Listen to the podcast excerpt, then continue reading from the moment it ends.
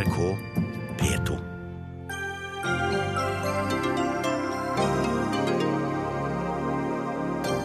Staten lover at den ikke skal vinne rettssaker mot pasienter for enhver pris. Men tall viser at Pasientskadenemnda bruker mer tid og mer penger på rettssakene nå enn før. Hva mener egentlig Høyre nå om søndagsåpne butikker, lurer Arbeiderpartiet. Vi mener bare at vi skal høre på forbrukeren, kommer Høyre til å svare i løpet av dagens Dagsnytt 18. Og politikken går til høyre, men også til venstre. Det er nemlig ytterpunktene som vinner, sier forsker etter valget i Nederland.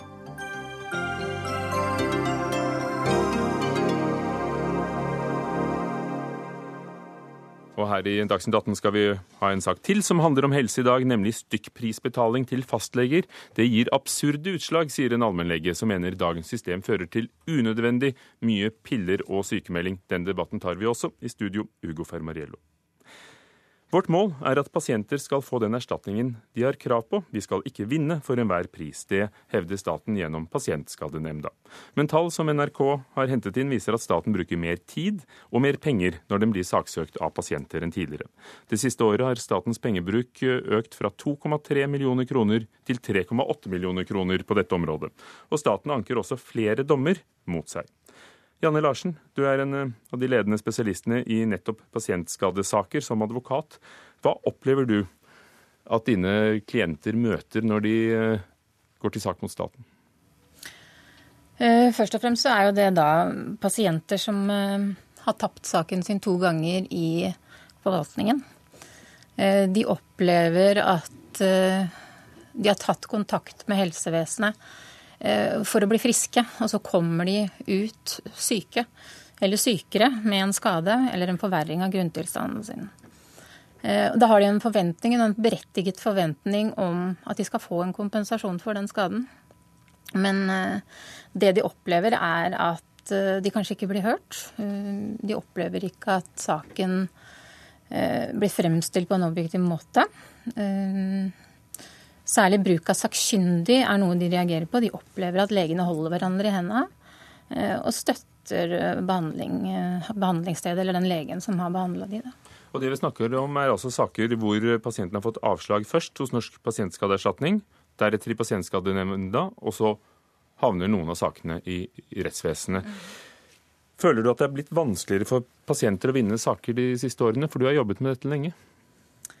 Eh, om ikke det har blitt vanskeligere, så synes jeg i hvert fall at det er en sånn tydelig tilstramning fra statens side om hvordan de møter pasienten. Eh, de engasjerer flere sakkyndige. De sakkyndige virker litt sånn drilla i forhold til hvordan de skal eh, oppføre seg i retten. De innkaller behandlende lege i retten. Eh, og de kjører også på med en masse sånn prosessuelle innsigelser som kanskje tar fokus litt bort eh, fra saken. Nå representerer jo du pasientene, men du har tidligere jobbet nettopp for Pasientskadenemnda og prosedert saker for staten.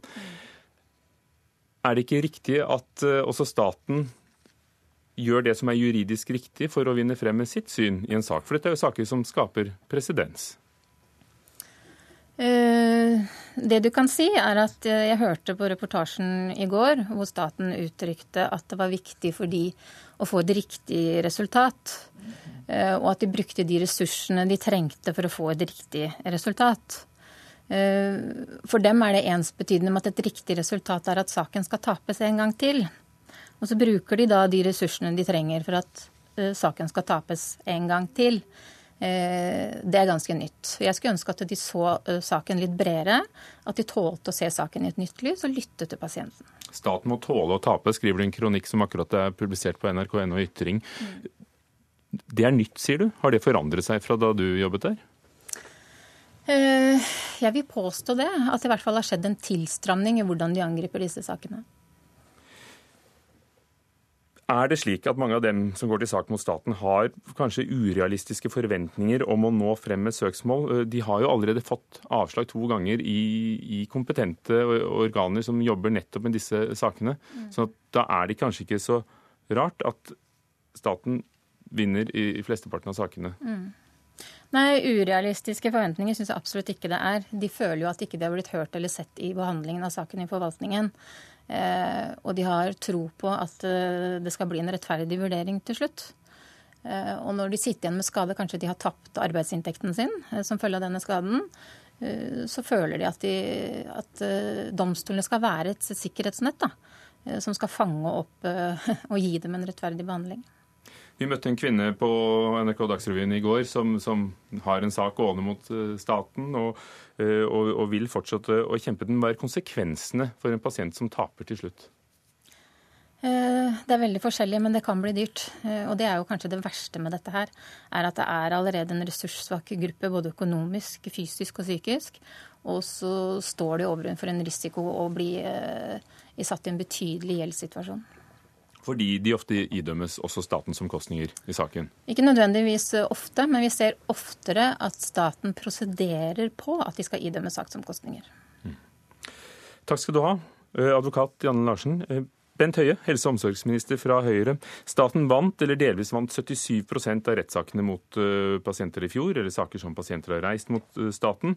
For fem år siden vant staten 54 av rettssakene. Hva har skjedd de siste fem årene? Nei, Hvis vi ser på utviklingen, så er den ganske lik. altså der uh, Staten uh, tapte rundt 30% av sakene fra 2004 til 2011. og Det er ikke så langt der heller snittet ligger.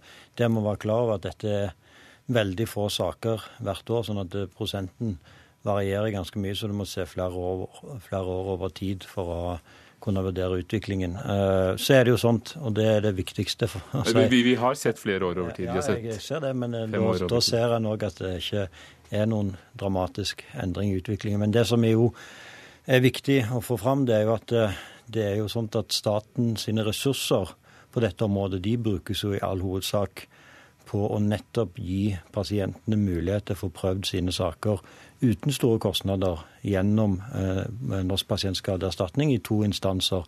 Og vi ønsker jo ikke amerikanske tilstander i Norge der denne type saker må føres for retten med store advokatutgifter. Eh, og Derfor er det bare 3% av sakene som ikke blir løst i første og andre instans, men og går videre. Det er de sakene vi snakker om her. Ja, det... Og, og, det kan vel knapt kalles amerikanske tilstander når det er bare 3 og, og, og det er ikke så mange flere saker. Men det som er nytt, er at staten bruker mer penger nå enn tidligere. Fra 2,3 millioner kroner til 3,8 millioner på egne sakkyndige. Er ikke en indikator på eh, en, en indikator i kroner og øre på det vi hørte Janne Larsen fortelle om, at det brukes flere sakkyndige, det brukes mer aktivt, og det prosederes mer aktivt enn før. Ja, så Hvis en ser på snittet på hver sak, da, så har vel kostnaden som staten bruker på hver sak økt med rundt 4000 kroner. Det er ikke tror jeg, heller noen dramatisk eh, utvikling. Og så er det sånn at I de sakene som blir anka videre og i rettssystemet, så er det klart at eh, det er saker som det er viktig å få prøvd. For de er jo òg førende for hvordan andre saker skal bli behandles videre i Norsk pasientskadeerstatning.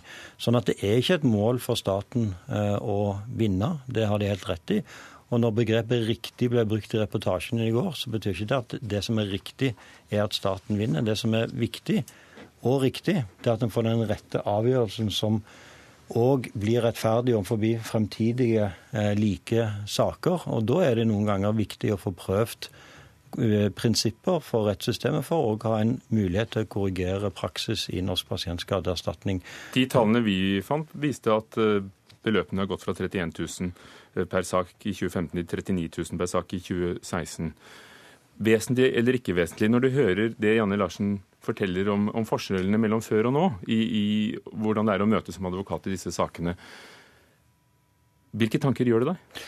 Ja, altså jeg, eh, jeg, eh, Første tanken som gjør meg, er at jeg eh, syns at det brukes veldig sterke ord om en relativt moderat utvikling. Og det er jo ikke noe nytt at advokatstanden er kritisk til Norsk pasientskadeerstatning. For Norsk pasientskadeerstatning er en ordning som er lagd for å hjelpe pasientene til å få en god og rettferdig behandling av sine saker uten her, unnskyld, å... her gikk jo kritikken mot hvordan saken eh, ja, behandles av staten i rettssystemet etter at den er ferdig ekspedert ja. i Norsk pasientskadeerstatning. Det er helt riktig, men du aner ikke hvor mange ganger jeg har vært i debatt med representanter for den norske advokatstanden som prøver å angripe denne ordningen fra ulike ståsted. Rett og slett fordi eh, dette er en ordning som er lagd for at pasientene skal få god hjelp av staten til å få prøvd sine saker uten å ha store utgifter verken til advokater eller måtte gå i rettssystemet. For den gangen en måtte gå i rettssystemet for å få avgjort disse sakene, da var det veldig få pasienter som hadde ressurser til det. Nå er det jo betydelig flere saker som heldigvis blir prøvd, og, eh, dermed òg betydelig flere som får en mer rettferdig behandling før det kommer ja. så langt at det må i rettssystemet. Og det er ikke dem vi snakker om i dag. Kjersti Nei, Toppe, helsepolitisk talskvinne i Senterpartiet ja. og i Stortingets helse- og omsorgskomité. Hva synes du om den utviklingen eh, NRK har vist? Er staten for hard i klypa? Ja, jeg er urolig eh, over det som kommer opp eh, av tall. Og jeg reagerer òg noe på statsråden sin sin eh, forklaring her, som jeg oppfatter som en delvis eh, bortforklaring. At han ikke tar eh, dette på, på, på, det alvor som jeg mener vi skal gjøre når både de advokatene som jobber med pasientene, måtte rope et varsko på at systemet er blitt hardere, og at dette blir underbygd med tall som viser at staten går inn med mer ressurser eh, når det kommer opp til ei, ei, ei, sak i rettssystemet. Og det er jo klart at en kan si at staten ikke vil vinne, men de er opptatt av rett resultat. og eh, en har vært inne på det. Det er jo klart at eh, en sikkert er opptatt av om dette vil få konsekvenser for rettspraksisen, men da vil det si at en skyver den enkelte pasient foran seg i, i det systemet. Og eh, jeg eh, mener at eh, vi må, vi må være villige til å se på staten sin, sin håndtering av disse sakene. Og i alle fall ikke skylde på advokatstanden. Så, så, så hvor, hvilke, hvilke grep synes du at statsråden burde ta? Jeg tenker at han burde jo stilt uh, uh, spørsmål til Pasientskadenemnda om hva er grunnen for at de nå bruker mer penger i gjennomsnitt per sak i i rettsvesenet, og om de forklaringene de kommer med, er på en måte holdbare. Eh, for eh, dersom det er slik at de nå setter inn mer ressurser på å vinne saker eh, enn det som er sagt tidligere, så kan en som statsråd gå inn og si at en sånn, en sånn endring av praksis det er ikke noe som vi syns er ønskelig. Og Bent Høie, hvis det er viktig å, å belyse det du mener er rett, du får frem et riktig utfall fordi det skaper presedens, hva tenker du om at mange pasientene til slutt ender opp med en stor gjeld. De blir kanskje i noen tilfeller til og med da idømt statens saksomkostninger. Er det riktig hvis det også er i statens interesse? For her er det jo David mot Goliat i, i, sånne saker. Altså, det er jo det som er av utfordringen med når sakene uh, ankes videre til rettssystemet. og da Eh, er det jo sånn at eh, eh, da har en fått prøvd saken gratis eller billig i to omganger. Men når en går videre i rettssystemet, så tar jo òg pasienten en større risiko ved det. Sånt er det jo òg ellers. Forskjellen er at pasienter har da muligheten til å prøve saken to ganger før det. Og, og, hvis det, og hvis en vinner, så får en dekka ofte saksomkostningene knytta til det. Men til det som Kjersti Toppe tar opp, så er det jo Sånn at eh, Det er jo ekstremt viktig at vi nettopp ikke har en politisk innblanding i eh, denne type eh, på en måte rettslignende system, men at eh, dette er en vurdering som gjøres nettopp av Norsk pasientskadeerstatning som organisasjon. Men oppgaven deres er eh, ikke å vinne flest mulig saker. Oppgaven deres er å få en praksis som er i tråd med det eh, som regelverket sier, og få en rettferdig behandling av pasientene en politisk oppgave å se at det regelverket følges, eller undersøke om det, om det følges, når, vi, når ja. du kanskje får indikasjoner på at det ja, har endret seg? Testen av om regelverket følges, det skjer jo i eh, de sakene som går for domstolen.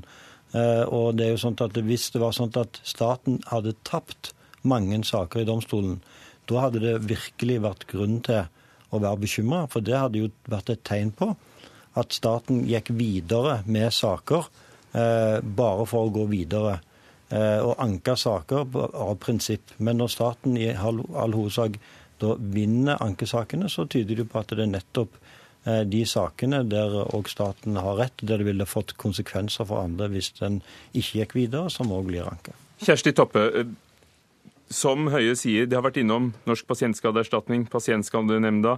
Hadde det ikke vært mer bekymringsfullt om, om staten faktisk tapte de fleste sakene? Det blir jo å snu hele problemstillingen på, på hodet. Ehm, det er at det, Når det har vært inne i de si, offentlige klageordningene med pasientskadeerstatning og eh, pasientskadenemnda, så må vi huske på at utgangspunktet er at dette er pasienter som har opplevd å få en skade, eh, kanskje en, eh, som resultat av en, en behandlingsfeil i helsevesenet.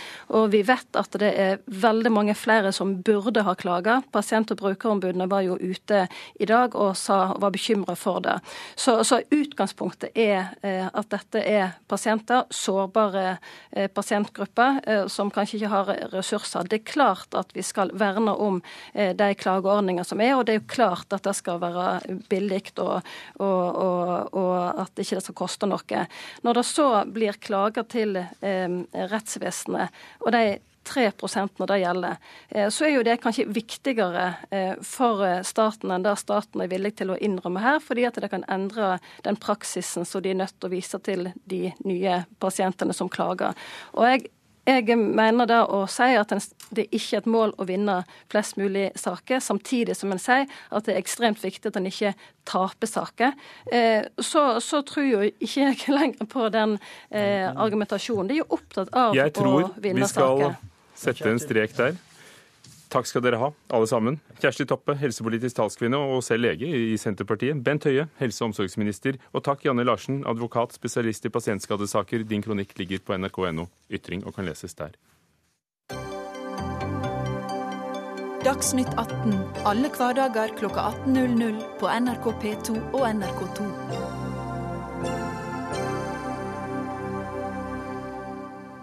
Det blir en fargerik forsamling når Nederlands statsminister skal danne en ny regjering. Velgerne kom i hopetall til valget til ny nasjonalforsamling i går. Over 80% stemte, og mobiliserte ikke minst til venstre, men også til høyre. De som led, det var partiene i midten. Philip Lote, NRKs europakorrespondent eh, i Rotterdam. Hvilke konstellasjoner er mulige når eh, Rutter skal danne regjering? Rutte vil jo da få invitasjonen til å danne en styringsdyktig regjering. Og det spekuleres her ganske bredt. Men eh, det mange nederlandske analytikere tror er det mest sannsynlige alternativet, er en koalisjonsregjering hvor han selv da blir statsminister, men eh, får inn ministre og samarbeider med eh, de katolske kristendemokratene i CDA med de protestantiske kristne i Kristen Union, eh, og også det partiet som da minner mest om Venstre hjemme, D66, et intellektuelt eh, liberalt parti.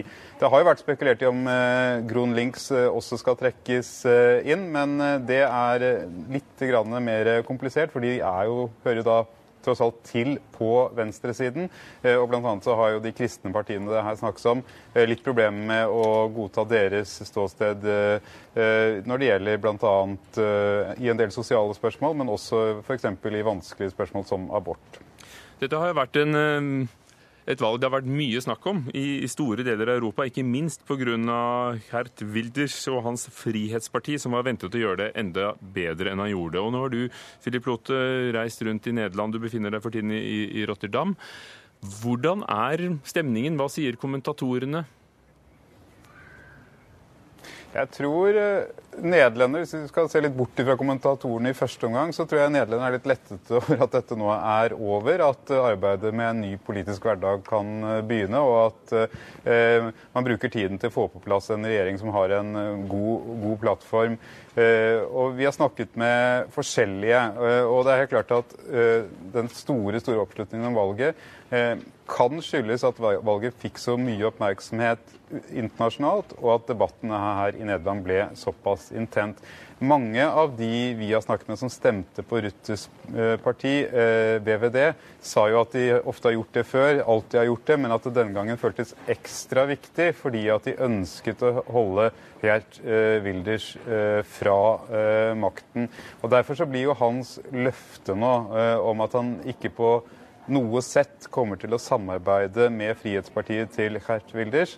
Eh, veldig viktig å holde, for det er mange som har stilt spørsmål om han hvis han får problemer med å få på plass en regjering, men han likevel vil venne seg til eh, Wilders. Og her i Rotterdam, som da er en eh, industriby eh, hvor eh, Arbeiderpartiet, som i går ble redusert til et småparti, normalt har stått sterkt, er det mange som har stemt på PVV. Eh, det er langt over en million stemmer som har gått eh, til Wilders. Og de føler jo at deres mann også fortjener å få et, en sjanse til å forhandle seg inn i en koalisjonsregjering, men det er da svært lite sannsynlig. Så har det vært en ganske overveldende respons fra andre europeiske politikere i dag. De har i hvert fall vært raske og høylytte. Ja, Det er jo interessant, fordi at hvis du så etter brexit og etter Trumps seier i USA, så, så var det jo f.eks. Marine Le Pen veldig tidlig ute med å tvitre eh, at f.eks. etter brexit at suvereniteten har eh, Eh, seiret etter eh, Trump, så sa hun at dette var en seier for det amerikanske folket og for friheten eh, og for demokratiet. Nå har det vært litt mer stille i den leiren, men på den annen side så har da f.eks.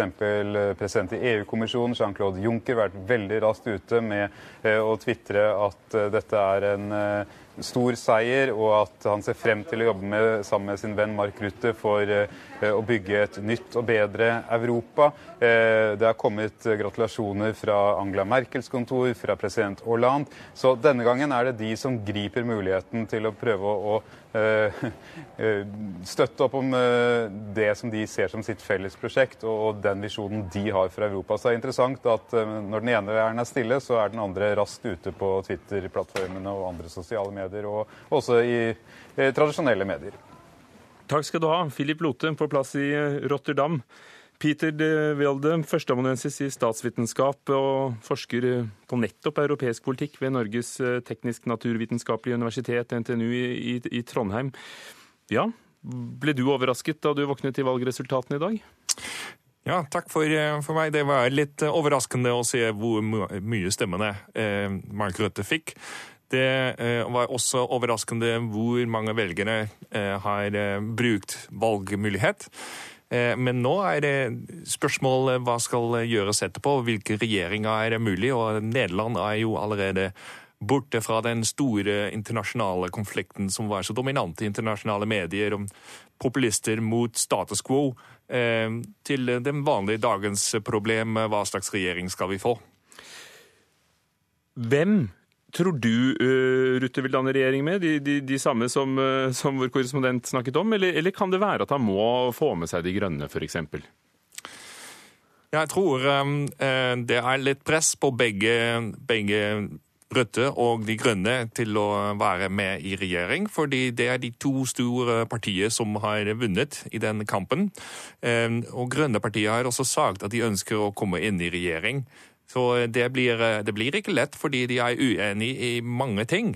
Men eh, det har vært også noe, eh, noe positive lyder i dag fra eh, bedrifter og selskaper som sa ja, vi kan godt tenke oss en, en, en grønn industriell politikk, hvis det blir mulig. Da må, da må grønne partier, sier, fordi de heter rundlings, som betyr grønn til venstre, Eh, å gjøre litt mindre til venstre og gi et mer grønn. Hvis de klarer det, så kan det også være en god mulighet. Hva vil skje med Hert Wilders når, eh, og Frihetspartiet hans når alle er ganske enige, unntatt et lite pensjonistparti, om å ikke samarbeide med ham? Hvilken effekt vil det, vil det få på ham at alle rotter seg sammen og, og danner regjering, eller i hvert fall stemmer på hverandre? Jeg tror det blir veldig viktig å se om en ny regjering kan komme med et positivt, klart program. Hvis de klarer det, hvis de kan eh, virke at dette er en naturlig koalisjon som, som har noe å kjøre på, da kan de også si til Vildes ja, men eh, du er bare negativ, du sitter ved siden av, du tvitrer, du gjør ikke, ikke noe skikkelig arbeid. Vi har et skikkelig program her, og vi kjører på, og vi gjør det i nasjonale interesser. Men hvis det blir en sånn koalisjon hvor det er veldig klart at de egentlig ikke ønsker å samarbeide med hverandre, at de har to, ikke noe i felles utenfor at de ønsker å holde Vildes eh, ute av regjeringen, da blir det vanskelig, og da kan Vildes veldig enkelt si at se her, her er eliten som gjør alt til å holde folket ute av makten, og eh, stem på meg neste gang. Dette partiet D66 som vi hørte om, hva, hva, står de for? Det blir sammenlignet med vårt Venstre, men, men er det en riktig sammenligning, syns du? Nei, jeg syns ikke det. Fordi eh, det er jo en parti i midten. Et, et midten av venstre-høyre-siden, men de er mye klarere på den kosmopolitiske siden enn norske Venstre. Så de er et liberalparti som ikke har noe agrar bakgrunn. De har eh, veldig klar, høyutdannet bybakgrunn eh, støttere, støtter.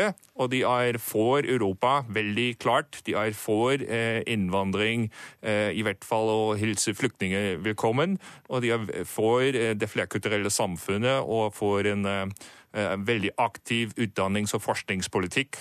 Og, og, Mark Rutte har jo ikke den samme liberale innvandringspolitikken. og Det blir jo sagt at Wilders har påvirket også hans parti i, i, å gå til høyre i sin retning. Så hvordan i all verden skal da Rutte og regjere med disse D66-folkene? Ja, Rutte har vært mye mer kritisk på eh, innvandring og på integrasjon av innvandrere. så han har vært eh, han har kommet ut i kampanje for første dagen og sier at eh, hvis du er i Nederland, så må du være normalt. Og det er selvfølgelig spørsmål hva betyr det å være normalt, og hvem bestemmer hva det er å være normalt. Eh, men det var klar oppfattet at han egentlig mente at eh, de som eh, muslimer som ikke holder med rett i, rett i Nederland, så bør det bare gå. Og det var selvfølgelig litt til, til høyre til å prøve å få Vildes støttere til å støtte ham istedenfor. Og det har vært mye kritikk. og det det som viser er at partiet som D66 og Grønne partiet, som har kommet ut veldig klare med sånn eh, pro Europa, pro flyktningsprogram, har hatt mulighet til å vinne her.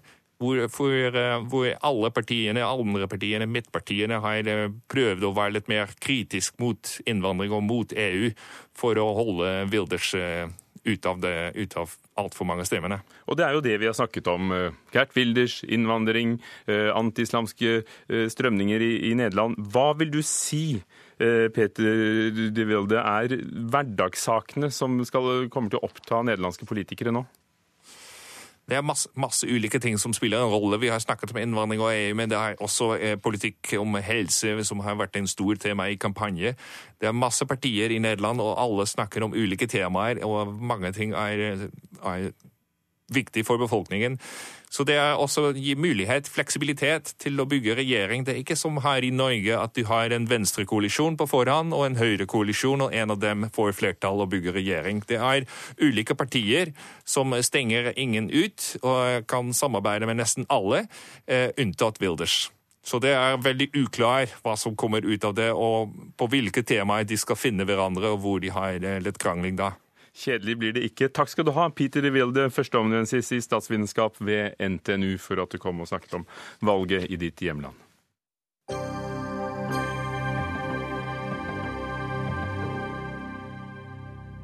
Norsk industri vil bli borte hvis Venstre og SV får bestemme, sier Karl Eirik Skjøtt Pedersen i Olje og gass. Han mener de større partiene må slutte å la seg styre, og han møter det lille SV og det store Arbeiderpartiet til en debatt senere i løpet av denne sendingen fra Dagsnytt 18. Men nå skal det handle også om politikk, men det skal handle om hva Høyre vil eller ikke vil. Høyre vil nemlig ikke lenger ha søndagsåpne butikker, eller vil de det? På landsmøtet i forrige helg gikk partiet vekk fra sitt tidligere standpunkt om å jobbe for søndagsåpne butikker. I det nye partiprogrammet heter det nå at de ønsker å tilpasse åpningstidene i handelsnæringen bedre til den tiden forbrukerne ønsker å handle. Kjersti Stenseng, partisekretær i Arbeiderpartiet. Du mener dette er utydelig, men, men det står jo her. De skal tilpasse åpningstidene til den tiden du ønsker å handle. Ja, og da er jeg veldig spent på hva Høyre har tenkt å gjøre. fordi at i dag så har vi jo et veldig fleksibelt lovverk når det gjelder å, eh, å, ha ulike åpningstider og kunne ha lange åpningstider i butikker. Du kan jo ha åpent nær sagt når du vil, fra mandag, mandagsmorgen til lørdagskvelden. Eh, dag, kveld. Uh, og hvis Høyre vil ha et mer fleksibelt lovverk enn det i dag, så er mitt spørsmål om det er en omkamp på å ha søndagsåpne butikker. I andre ord? I andre ord. Jeg tror, altså, det Mitt spørsmål er, som jeg ennå ikke har fått svar på, er om det da er en snikinnføring av et mer liberalt regelverk som handler om søndag. Eh, og Hvis det ikke er det, så lurer jeg på er det da på julekveld, er det 17. mai, er det påskeaftene vil at folk skal handle? Harald Furre, ordfører i Kristiansand og medlem av Høyres programkomité. Ja, hva mener dere? Ja, først vil jeg si at Når Arbeiderpartiet snakker om uklarhet, så skal man uh, lytte, for der er det eksperter som snakker. Uh, det er jo ikke en uklar formulering som vi har uh, sagt i vårt program. Vi ønsker å tilpasse åpningstider til der som forbrukerne ønsker å utvikle seg.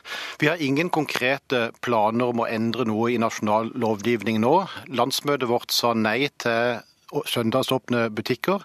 Det eh, ser vi ikke behovet for, men verden endrer seg, og vi blir nødt til å være åpne for at også forbrukerne vil ha andre behov om noen år. Og Hvordan skal de få sagt det til dere politikere? Er det kommunene som skulle bestemt det? Ja, Vi vet jo gjennom både meningsmålinger og dialog i partier og andre samfunnsmessige dialoger hva som er forbrukernes eh, ønsker og behov. Jeg husker godt tilbake på 80-tallet da åpningstidsloven ble fjerna, selvfølgelig mot Arbeiderpartiets stemmer. Det var Willoch-regjeringa som gjorde, og da var 70% av innbyggerne for å ha mer fleksible åpningstider.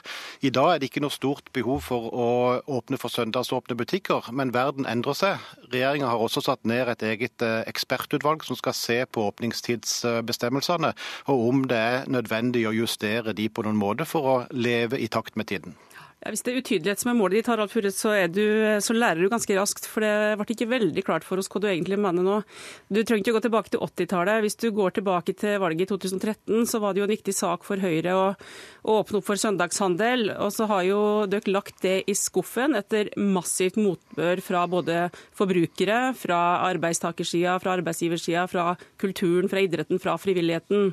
Eh, og så er det jo da slik at Lovverket i dag er veldig fleksibelt, og du kan ha åpent nær sagt når du vil. Syns du det er for fleksibelt? Nei, altså jeg mener jo at vi har et lovverk i dag som betyr at folk kan handle seks dager i uka. Og hvis en skulle sett på lovverket, så kunne en sett på er det da øh, sled feil ut på en eller annen måte. Det kan vi godt bli med å diskutere. Men nå handler det jo om liberalisering av regelverket. Og det da er mitt spørsmål Vi har jo ikke brukt ordet liberalisering. Et øyeblikk før. Nei, men da er mitt spørsmål, nytt spørsmål da, er det da at du vil stramme inn regelverket? Du må jo snart si hva er det du legger i den formuleringa, Harald, for det har jeg jo ikke fått noe svar på. Ja, Fure, hva vil dere jobbe for søndagsåpne butikker hvis det viser seg at forbrukere ønsker det, og dere tror det?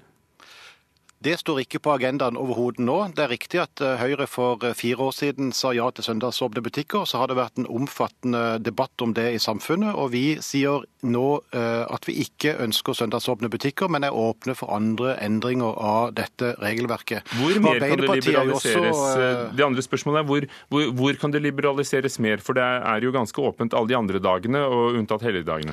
Ja, det er jo en, merk, en del merkverdigheter i regelverket hvor plantesentre kan holde åpent på søndagen, eh, men eh, og også selge andre typer varer. Eh, det er en del merkverdigheter når det gjelder definisjonen av turiststeder som får lov til å holde åpent på søndagen. Her i Kristiansand så tror jeg ikke vi kunne la Kvadraturen sine butikker holde åpent om de ønsker det, for det, det vil ikke være nok turistaktivitet. Så det finnes absolutt en del grenseganger her som en kan trekke opp, og som vi kan ha en kontinuerlig diskusjon om. Skal det trekkes opp, Unnskyld meg, skal det trekkes opp Eh, fra statens side, eller, eller skal kommunene gis mer frihet til å definere hva deres innbyggere ønsker? Det er jo noe av det vi må se på når dette utvalget som ledes av tidligere fylkesmann eh, Erling La, legger frem sin innstilling om en stund. Eh, jeg for min del er jo tilhenger av kommunalt selvstyre og kunne godt tenke meg litt større fleksibilitet på dette, men det står det ingenting om i eh, Høyres program. Men jeg har lyst til å spørre Stenseng hva Arbeiderpartiet egentlig mener. For de har en formulering i sitt program som er mye mer uklar enn det vi har i vårt program nå. De sier at de skal modernisere åpningstidsbestemmelsene. Og hva mener Arbeiderpartiet med det? Modernisere liberalisering er jo ikke akkurat noe de er veldig gode på. Stensing, betyr det å stramme inn? Nei, det hun har sagt er at hun skal si nei til søndagshandel. Og så sier hun at hun skal ha et regelverk som er tilpassa eh, de åpningstidene som butikken butikkene vil ha mandag til og med lørdag, altså seks dager i uka. Og slik det er i dag, så er det ikke behov for noen endringer i regelverket. Ville det Sett i lys av at det er et regelverk med en myriade av unntak for eh, hagesentre, for butikker under 100 kvadratmeter, for bensinstasjoner opp til 150 kvadratmeter, og at det er byer som i Oslo hvor det er hele gater med søndagsåpne klesbutikker, og politiet sier at vi kan ikke gjøre noe med det. Eh, betyr ikke det at det kanskje kommunene burde fått litt mer frihet, fordi det ser jo ut til at eh, at praktiseringen ikke, Ja, ikke står i stil med virkeligheten? Nei, altså slik det er I dag så har jo kommunene muligheten til å definere altså Du må søke, og så er det jo da eh, fylkesmannen som avgjør det. Hvis, du har, hvis det er slik at det er flertallet av dem som handler er turister, så kan du åpne for turistkommuner. Det er jo 85 kommuner som har i dag. Så jeg mener at den bestemmelsen ligger jo der i dag, eh, og er fullt mulig til å ta i bruk. Det, men jeg vil litt tilbake. fordi at jeg, jeg vil mer at Harald skal eh, svare på et spørsmål som jeg fortsatt ikke har fått helt bekrefta. Betyr den formuleringa dere har i programmet, Harald, at dere ikke kommer til å åpne opp for søndagsåpne butikker eh, i den neste fireårsperioden? Ja, Vi hadde en votering på vårt landsmøte hvor det ble fremmet forslag om at vi skulle stå på at vi ønsker søndagsåpne butikker. Den, eh, det forslaget ble nedstemt på Høyres landsmøte. Eh, Og Det som står nå, er eh, at vi ønsker å være villige til å tilpasse det i forhold til forbrukernes ønsker. Og Det er det som er grunnlaget for vår politikk. Høyre setter hvert enkelt menneske, her brukt ordet forbruker, i sentrum, og er villig til å tilpasse oss i forhold til det. De ansatte i, i handelsstanden er jo også enkeltmennesker. Eh, I hvilken grad teller deres mening? Jo, de teller selvfølgelig de også, men eh, det er eh, likevel forbrukerne som er aller viktigst når det gjelder bestemmelsene her. Hvis jeg skulle igjen gå tilbake til 80-tallet, så var jo også den gang fagbevegelsen imot å endre, men jeg tror ikke det er noen som vil tilbake til at butikken skal stenge klokka fem. Hvis jeg går frem til september 2017 og stemmer på Høyre, betyr det at jeg som velger vil vite at dere i de fire årene ikke vil stemme for søndagsåpne butikker, selv om forbrukerne skulle ville det? Ja, Vi er ganske tydelige på at en generell åpning for søndagsåpne butikker, det går vi ikke inn for i eh, de neste fire årene. Eh, Og jeg tviler på at eh, forbrukernes synspunkter vil endre seg så drastisk i løpet av fire år. Vi, Men hva mener du selv? Jeg for min del ønsker ikke søndagsåpne butikker generelt. Jeg syns det er fint at det er åpne butikker eh, på turiststeder. Kan godt være litt mer fleksibilitet på det, men generell åpning eh, for søndagshandel, det har jeg ikke helt sans for. Kjersti Stenseng, har du fått svar? Nei, altså Det Harald sier til meg, og det må jeg jo tro på, det er at eh, den formuleringa som ligger i programmet nå, ikke betyr en omkamp på søndagsåpne butikker. Og Det er jeg veldig glad for, for det er jo ingen som vil ha. Eh, og så er jeg jo da fortsatt spent på når Høyre sier at eh, dagens regelverk er for rigid. som er veldig fleksibelt, og som åpner for at du kan ha åpent nær sagt når du vil. De andre seks dagene, hva betyr det egentlig? Og Det er jeg jo spent på om Høyre har tenkt å svare på. Og Det eh, skal vi komme tilbake til også når vi får mer kunnskap. Det er et felt som er komplisert, og prosessen rundt eh, denne diskusjonen, eh, særlig i fjor vår, viste at det er behov for ytterligere utredning. og Derfor satte regjeringa ned et utvalg som skal komme med kloke råd når det gjelder dette regelverket. Da ses vi når de legger frem den rapporten. Takk skal dere ha. Harald Furre, ordfører i Kristiansand og medlem av programkomiteen i Høyre, og Kjersti Stenseng, partisekretær i Arbeiderpartiet.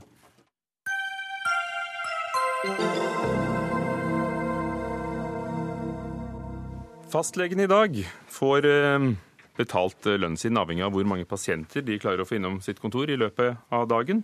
Dette skaper lønnsomme og ulønnsomme pasienter, og det kan føre til at legene velger å skrive ut eh, sykemeldinger, gi mer piller, i stedet for å bruke tid til å snakke med pasienten. Og Dette skrev du i en kronikk i Aftenposten. Christian Østby, allmennlege og forsker ved Folkehelseinstituttet, bl.a. på sykefravær og psykiske lidelser. Hva fikk deg til å gripe til pennen? Eh, Ja, det, nei, det, eh, jeg jobber jo da som allmennlege, og jeg har eh, Men ikke fastlege. ja, ja, som fastlegevikar. Så jeg har vært opptatt av, av disse insentivene og observert hvordan de fungerer i praksis. Og jeg har sett ting som jeg synes ikke er helt som det bør være. Har du selv følt presset? At her skal det gå fort unna fordi er klart neste kommer om et kvarter? Ja, Det er klart, det er jo ikke bare de økonomiske insentivene, men det er, men det er høyt tempo i allmennpraksis. Det er det. Og, og man tjener altså bedre dersom man holder det høye tempoet. Og, og dersom man fører mange takster, f.eks. Kan du forklare hvordan taksameteret fungerer? Ja, legenes, legene får i dag eh, sin inntekt fra i hovedsak tre kilder. De har et basistilskudd som ligger i bånn, som betales eh, per pasient, som de har på listen sin. Og så får de egenandeler fra pasientene som betales per konsultasjon. Og så, og så, og så har vi dette takstsystemet der legene får refusjoner fra staten, avhengig av hvor mange prosedyrer de utfører. Så, så dette systemet som vi har i dag, det insentiverer det å ha lange pasientlister, det å ha mange korte konsultasjoner per dag, og det å utføre mange prosedyrer. Kan ikke jeg stole på at du som lege gjør det som er nødvendig, og tar den tiden du mener at jeg trenger for å komme til bunns i, i det jeg kommer med? Uh, ja, Uavhengig av hvordan du får betalt?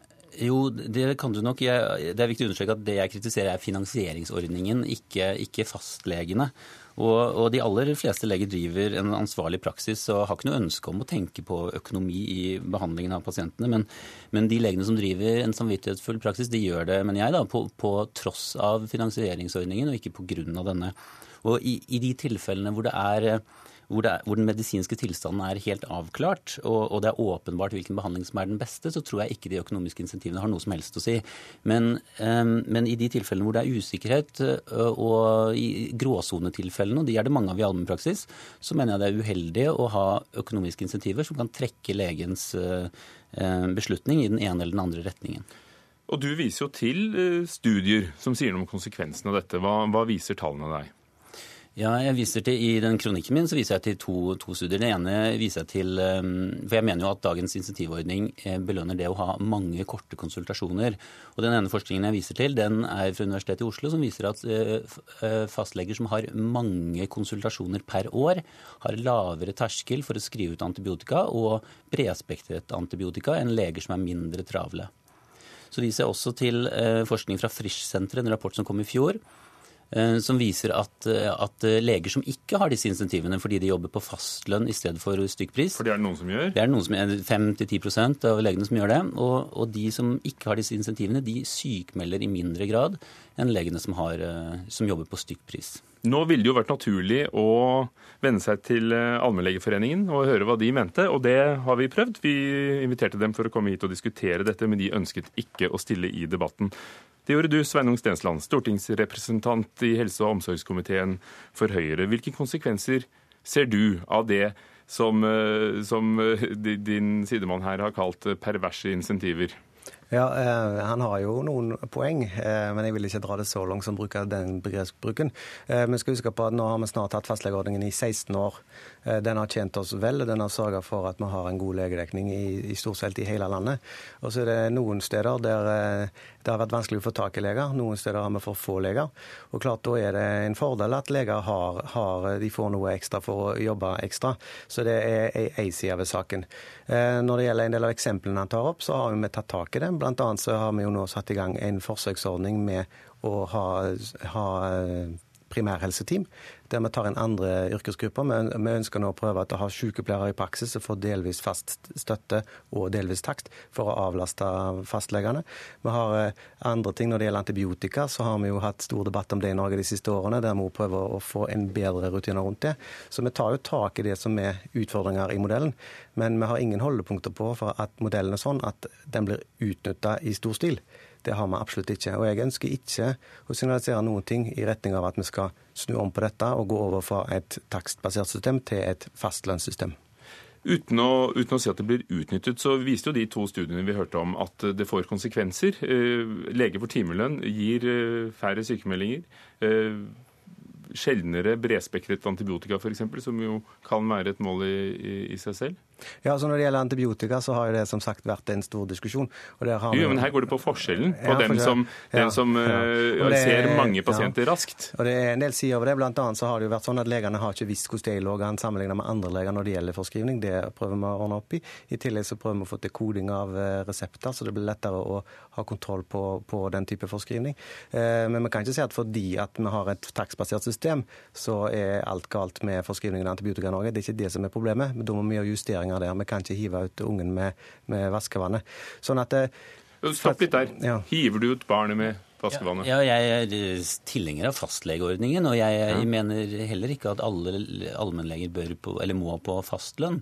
Så hva mener du? Mener Hvordan skulle det vært gjort? Jeg mener at det er fullt mulig å gjøre endringer innenfor dagens system. Eh, F.eks. så mener jeg at man bør redusere den andelen av legers lønn som er knyttet til det å ha mange korte konsultasjoner. Men Du sier jo selv da at hvis konsultasjonen går opp til 20 minutter, så blir det så, så, er det en ekstra hake der som kan innkassere litt? Jo, altså, altså det finnes, legene... Altså det, er, det er et sinnrikt system. Det, det er, er snedig satt sammen. Og det finnes en tidstak som slår inn ved 20 minutter. Og den demper den effekten noe. Slik at, uh, at det går fint an å tjene penger som allmennlege, selv om du har konsultasjoner som går over 20 minutter. Men, men tendensen er fremdeles slik at det i all hovedsak lønner seg for legene å ha kort, mange korte konsultasjoner med mange prosedyrer. Og så er det også et problem at Ja, Så hvordan vil du gjøre det? Ja, Det jeg mener, er at man kan eh, redusere den andelen av legers lønn som er knyttet til det av mange konsultasjoner, ved å eh, hovedsakelig øke basistilskuddet og gjøre tilskuddet mindre avhengig av antall pasienter som legen er på listen. Og så mener jeg egentlig at det er enda viktigere å gjøre noe med takstsystemet. For det, det vi gjør i dag, er at vi har et takstsystem som belønner visse prosedyrer framfor andre. Og, og det, kan, det, kan gjøre, det, kan, være med på å påvirke legenes uh, behandling. Um, og, ja. men, men, la oss høre Sveinung Stensland. 16 år har vi hatt fastlegeordningen i det store og det hele, er dere fornøyd med denne primærhelsetjenesten? Ja, I det store og hele så er vi fornøyd, men vi har, vi, det er ikke sånn at alt har vært likt i 16 år. Det er jo justeringer hele veien. Så, så kunne det, disse justeringene de kan, hører ta, For å si, ta, ta taksten først. Taksten framkommer jo gjennom en forhandling mellom Legeforeningen og myndighetene. Eh, legene, legene, har strukket seg langt opp igjennom for å få dette på plass, og myndighetene har strukket seg langt. Vi kan ikke bare snu om på det. Det er jo en forhandling mellom partene i arbeidslivet som er i god norsk tradisjon. Når det gjelder når det gjelder dette med raske konsultasjoner, så skal vi være glad for det. At vi får unna køene. For det er jo allerede sånn at i enkelte byer, enkelte steder, så må en vente lenge for å få få legetime. Og da er det jo bra at raske pasienter går raskt unna. Så er det den delen som går på de mer alvorlige tilfellene. Så er det forebyggingsdelen. Og der har vi gjort flere tiltak. Jeg nevnte dette med primærhelseteam. I tillegg så har vi jo økt eh, bevilgningene kraftig til helsesøstre i kommunene. Vi, prøver å bygge, eller vi bygger opp en kommunepsykologtjeneste i kommunene som er for å forebygge. For det beste vi kan gjøre for å avlaste fastlegen, er jo å sørge for at folk ikke blir syke. Så Derfor må vi jobbe med forebygging. Så det viktigste vi har gjort Og det er jo det fastleger også kan gjøre hvis de kunne ta seg råd til å ta litt bedre tid. Og kunne ikke dere også tatt et initiativ overfor Legeforeningen? Jo, absolutt. Og vi har jo en jevn og god dialog med Legeforeningen. Men det er jo sånn at uh, i mange tilfeller så er problemet at uh, legene har for mange pasienter, og det er ikke nok leger. Så vi må jobbe med å få flere leger, og så må vi jobbe for bedre forebygging, sånn at folk får mindre grunn til å gå til legen. Kristian Østby, det er jo sånn at I en del kommuner så er det problem å få nok fastleger. og Dette er en ordning som fastlegene har vært med og Eh, allmennlegene har vært med å forhandle frem. Eh, jeg... Hvilke reaksjoner har du fått fra din egen stand etter at du har skrevet dette? Ja, altså for det første har jeg fått mange positive, mange gode tilbakemeldinger fra både pasienter som kjenner seg igjen i fastleger som har dårlig tid. Så det er fra pasienter, fra de andre legene? Um, fra allmennleger så har jeg fått tilbakemeldinger både fra allmennleger som, som, mener at, uh, at de syns det er problematisk å måtte forholde seg til eh, egen økonomi eh, når de behandler pasienter, at, de, at den, de behandlingene som de setter i gang, har konse direkte konsekvenser for legens personlige økonomi. Det skjer gjennom, gjennom takstsystemet. Eh, men så har jeg også fått negative tilbakemeldinger fra en del fastleger og, og fra Allmennlegeforeningen. da. Jeg syns det er veldig bra at det her kommer opp. og Han har som jeg sa innledningsvis, han har noen poenger. Eh, men det betyr ikke at vi skal kaste hele takstsystemet om kull. Men vi må jo forsøke å justere systemet i, i forståelse med Legeforeningen, sånn at vi får et best mulig, et best mulig rammeverk for fastlegeordningen. For den har vært en suksess, og den er norske folk eh, glad i. Og der hvor det er nok leger, så er det jo opp til pasientene selv å eventuelt velge seg en annen. Og, nå går det altså an å gå inn på nettet og se hva folk skriver om legene. Tar de seg tid til pasientene? Ja, ja, det er klart, De aller fleste leger gjør en solid og god jobb, ikke sant? Men, men, de gjør det altså på tross av denne ordningen, ikke av den. Og Det, det jeg har argumentert for, er at man i større grad, i stedet, særlig i stedet for disse takstene, at man, skal, at man skal lønne pasienten etter tiden brukt med hver pasient, slik at det blir opp til legen å vurdere hvilken behandling som er riktig, uten at legen behøver å tenke på konsekvenser for egen lommebok. Da. Og du vil ikke bli sittende og, og snakke veldig lenge, da? Eh, ja, altså I mange tilfeller når det gjelder antibiotika, antibiotikaforskrivning og forskrivning av benzodiazepiner og sykemeldinger, så tror jeg det ville være en fordel eh, om legene tok seg bedre tid. Takk skal dere ha. Vi kan ikke gjøre det akkurat nå. Kristian Østby, allmennlege og forsker, og Sveinung Stensland, stortingsrepresentant i helse- og omsorgskomiteen fra Høyre. Hør Dagsnytt 18 når du vil. Radio NRK Radio.nrk.no.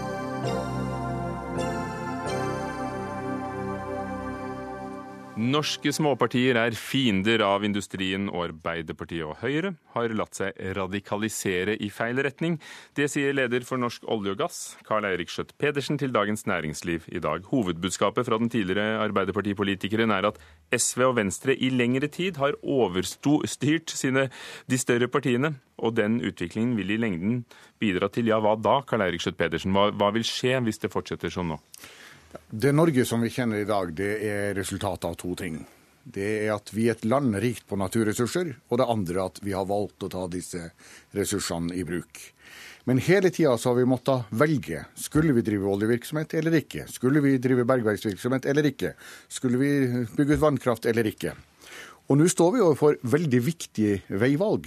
Vi har f.eks. på oljesektoren så har vi store ressurser som ligger igjen der ute. Og vi står overfor valget skal vi bruke disse ressursene og gi mulighet til å bygge eh, velferdssamfunnet videre ut, gi et høyt velferdsnivå til befolkninga. Skal vi velge å la mer av det ligge, og med det velge et lavere velferdstilbud? Det er det valget vi står overfor. Industrien vil dø ut, skriver ja, du. Men du det... velger å snakke om velferd? Jo, for det som da er poenget, at skal vi ha velferd, så må vi også ha inntekter. Det, den offentlige debatten dreier seg veldig mye om hva vi skal bruke pengene til. Men for hver eneste krone vi skal bruke, så er vi nødt til å tjene den. Og det er ikke mitt poeng. Jeg har ikke sagt at Arbeiderpartiet og Høyre er blitt radikalisert. Men jeg sier at Venstre og SV er blitt radikalisert i sin motstand mot å bruke ressurser. Og det advarer eh, Høyre og Arbeiderpartiet mot, at de lar seg prege av det. At de lar SV og Venstre få hånda på rattet på områder hvor det er viktig vi at vi har det med, i hvert fall Arbeiderpartiet og SV, men mener du at de har latt seg påvirke? Ja, i en viss grad har de det, pga. at de har måttet oppnå et flertall som uh, har uh, vært avhengig av SV eller Venstre. Men, vi, men, mitt hovedpoeng er at vi ser jo at disse partiene har blitt enda mer radikale i sin motstand mot å bruke ressurser de siste årene, og det gjør at dette er en ytterligere utfordring. Terje Aasland i energi- og miljøkomiteen for nettopp uh, Arbeiderpartiet. Dere var regjeringspartner med SV i åtte år. Er dere blitt påvirket og yter motstand mot norsk industri? Nei, tvert om. Så mener jeg at eh, de åtte åra som vi styrte landet sammen, eh, viser nettopp at det går an å finne fram til gode løsninger. Eh, for det første så er det kanskje den perioden i eh, norgeshistorien hvor det har vært størst aktivitet jobbmessig, industrimessig i Norge. Det ble skapt 360 000 flere arbeidsplasser i denne stortingsperioden. To av tre av de i privat sektor. I sektoren til Karl Eirik Skjøtt Pedersen, eh, petroleumsnæringa, så var det tidenes vekst. Vi la gjennom politikken rette til, til rette for eh, også vekstmuligheter, nytt areal. Vi forvalta store havområder gjennom forvaltningsplanene. Vi la fram en petroleumsmelding og åpna nye havområder for petroleumsaktivitet. Så vi viste veldig tydelig at politikken må være langsiktig for å få industrien til å vokse. Og det akter Arbeiderpartiet å fortsette med. Men altså, den tida som Arbeiderpartiet, SV og Senterpartiet styrte sammen, det var en veldig god industriperiode for Norge. Kari Elisabeth Kaski, du er partisekretær i SV. og, og av Skjøtt Pedersen blir du beskyldt for å, å, være med på å undergrave norsk industri, men når vi hører på den skrytelisten dere var med på i regjering, så betyr det vel at dere bokstavelig talt køla på? Vi er jo for en aktiv aktiv, ambisiøs industripolitikk i hele landet. Vi er jo nettopp opptatt av det valget, det veivalget som Schjøtt-Pedersen tegner opp, nemlig at vi nå skal bygge videre på de næringene som vi skal leve av i framtida. Fordi ja, vi står overfor et veivalg, og for oss så har vi på sett og vis blitt radikalisert i oljepolitikken, vi. Fordi vi ser at klimaendringene er i gang. Vi ser at det haster enormt mye med å kutte klimagassutslipp klimagassutslipp. Og da må vi også ta konsekvensen av det i oljepolitikken. Men dere så det etter derfor... at dere var ute av denne regjeringen dere var snakk om, da? Nei, vi var med på det i regjering. Det ser vi bl.a. nå med at dagens regjering øker aktiviteten på norsk sokkel ytterligere gjennom store nye konsesjoner på, på, norsk sokkel, men også gjennom å ikke lytte til noen miljøfaglige råd, som også vi gjorde. Så må hver regjering, hvert stortingsflertall forholde seg til den siste informasjonen og kunnskapen som finnes. Og nå vet vi at det haster enda mer å løse klimaproblemet. Vi vet at enda mer av olje, kull og gass må bli liggende. Og Da må vi gjøre et veivalg, og da skal vi satse på alt det andre som vi ønsker å leve av her i Norge i framtida. Og der har jeg veldig god selvtillit på at vi har et godt program for det. Skjøtt Pedersen, har du latt deg påvirke av, av, de mindre partiene som uh, nå ser behovet for et grønt skifte? For dere har altså i dag arrangert årskonferansen til olje og gass. Du lar det intervjue i Dagens Næringsliv, men dere har jo også rykket inn storstilte annonser som heter nettopp Veivalg 2017, og alt dere snakker om der er utdanning, barnehageplasser, helsetilbud. Eh, så du velger jo selv å bruke de ordene og appellerer til de følelsene. Hvorfor snakker du ikke om plattformer og offshoreindustri? Først, jeg kjenner meg veldig igjen i det som Terje Aasland eh, sier. Og jeg er selvfølgelig helt enig i det han sier. Og Under årskonferansen som vi har hatt i dag, så har både statsministeren på vegne av Høyre og Fremskrittspartiet og Arbeiderpartiets leder Jonas Gahr Støre vært helt tydelig på at de er garantister for stabilitet i oljepolitikken. For du sier at oljealderen er ikke over? Nei. Og etterspørselen vil øke? Eh, olje kommer til å være den sentrale delen av norsk økonomi i titalls av år framover. Men det som Kaski sier, det illustrerer jo poenget mitt at man er blitt radikalisert i SV og i det samme i Venstre. Og hvorfor det? Jo, når SV Vi holder oss i SV siden Venstre ikke er. Ikke sant. Når SV var i regjering, så var jo SV for at man skulle drive oljevirksomhet i Barentshavet sørøst. Nå er Gaski kraftig imot det. Dette er det har gått noen år. Ja, det er en kraftig dreining bort fra det som SV var med på når de var i den regjeringa som Aasland omtaler. Eh, grunnleggende sett hvis, når, Gaski, når. Når Gaski sier at de er for industri, så blir jo et av spørsmålene ja, er de for at vi skal utnytte disse ressursene, eller er de ikke det? Er de for at vi skal utnytte de fantastiske bergverksressursene de ser for oss, som sannsynligvis finnes på havbunnen, som vi vet finnes i Sogn og Fjordane, som vi vet finnes i Finnmark? Eller er det slik at de er mot det? Og hvis de er imot det, ja, så er konsekvensen av det at de forhindrer utvikling av industri, forhindrer inntekter som er nødvendig for å bygge fellesskapet videre ut. Arbeiderpartiet og Høyre har vært og er garantistene for en slik politikk. Men, men du SV sier de har latt seg påvirke. Du, du skriver det i Dagens Næringsliv. I sak etter sak radikaliseres de i sine angrep på Norges viktigste næring. Ikke sant. Venstre og SV. Men, og ikke Arbeiderpartiet og Høyre? Nei, nei, nei. SV og Venstre radikaliseres i sin motstand, og jeg advarer mot at Arbeiderpartiet og Høyre skal la seg påvirke av det. Terje Aasland, eh, først eh, for Arbeiderpartiet. Er dere blitt påvirket når det gjelder f.eks. holdningen til eh, de over 100 blokkene det skal letes i? Nei, Vi er opptatt av forutsigbarhet, stabilitet og trygghet. Det handler om arbeid, det handler om eh, menneskenes eh, livsmuligheter. Eh, men så handler det også om noe annet. Havrommet vil mye sannsynlig skape mange verdier, viktige verdier, for Norge i framtida.